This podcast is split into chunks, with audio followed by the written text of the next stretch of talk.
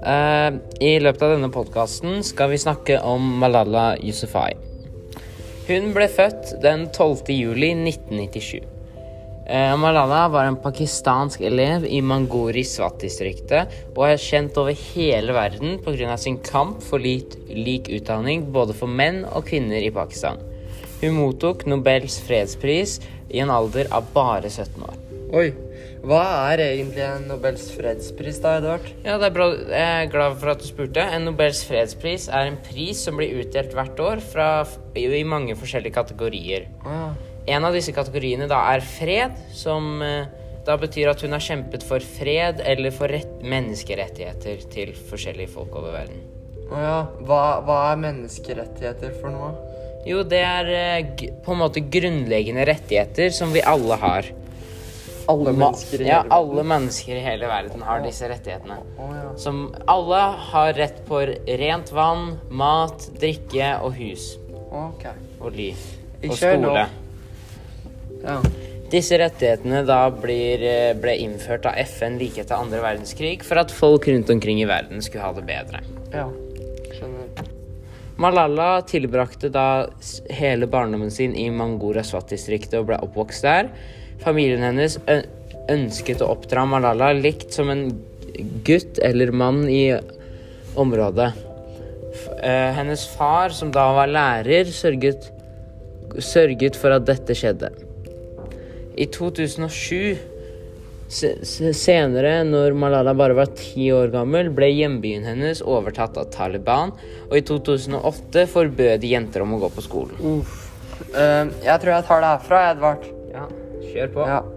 Eh, senere i begynnelsen av 2009 begynte hun å skrive for BBC anonymt under alias Gui Makai, der hun skrev om livet til en kvinne i samfunnet sitt og følelsene hennes om å ikke kunne gå på skolen.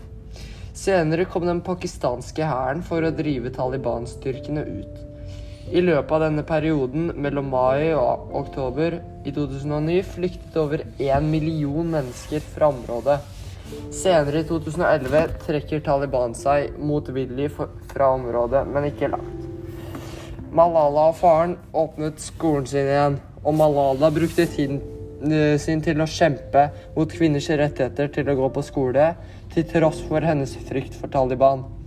I tillegg til dette, bare som en 14-åring Ja. Eh, hun mottok eh, pa pakistanske første nasjonale fredspris for ungdom for sin aktive rolle i kampen mot Talibans ideer. Talibans angrep, angrep senere Malala mens hun var på vei til skolen i skolebussen. Faktisk så angrep Taliban Malala fordi de ikke likte det hun drev med.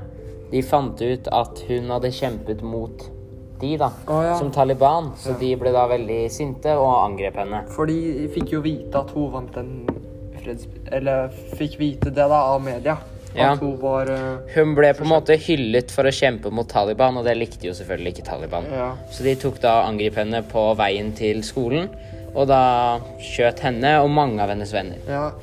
Heldigvis overlevde hun. Uh, hun, ble, ja, hun ble skutt tre ganger i hodet. I nakken eh, En gang i hodet, en gang i nakken og en gang i skulderen. Eh, og fikk da lokale medisinske behandlinger.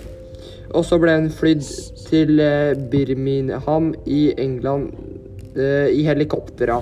Hun overlevde heldigvis dette, og etter en lang behandling og, og lang bedring fikk Malala oppholdstillatelse i England. På en måte asyl fordi hun da var jaktet på av Taliban, og det ikke var trygt for henne å dra tilbake til hjemlandet sitt. En av de mest Hun Malala Hun dro over hele verden og holdt taler og skrev bøker. En av de mest bemerkelsesverdige tal talene var foran FN-rådet 12.07.2013 om kvinners rettigheter om å gå på skole. Og boken 'Jeg heter Malala'.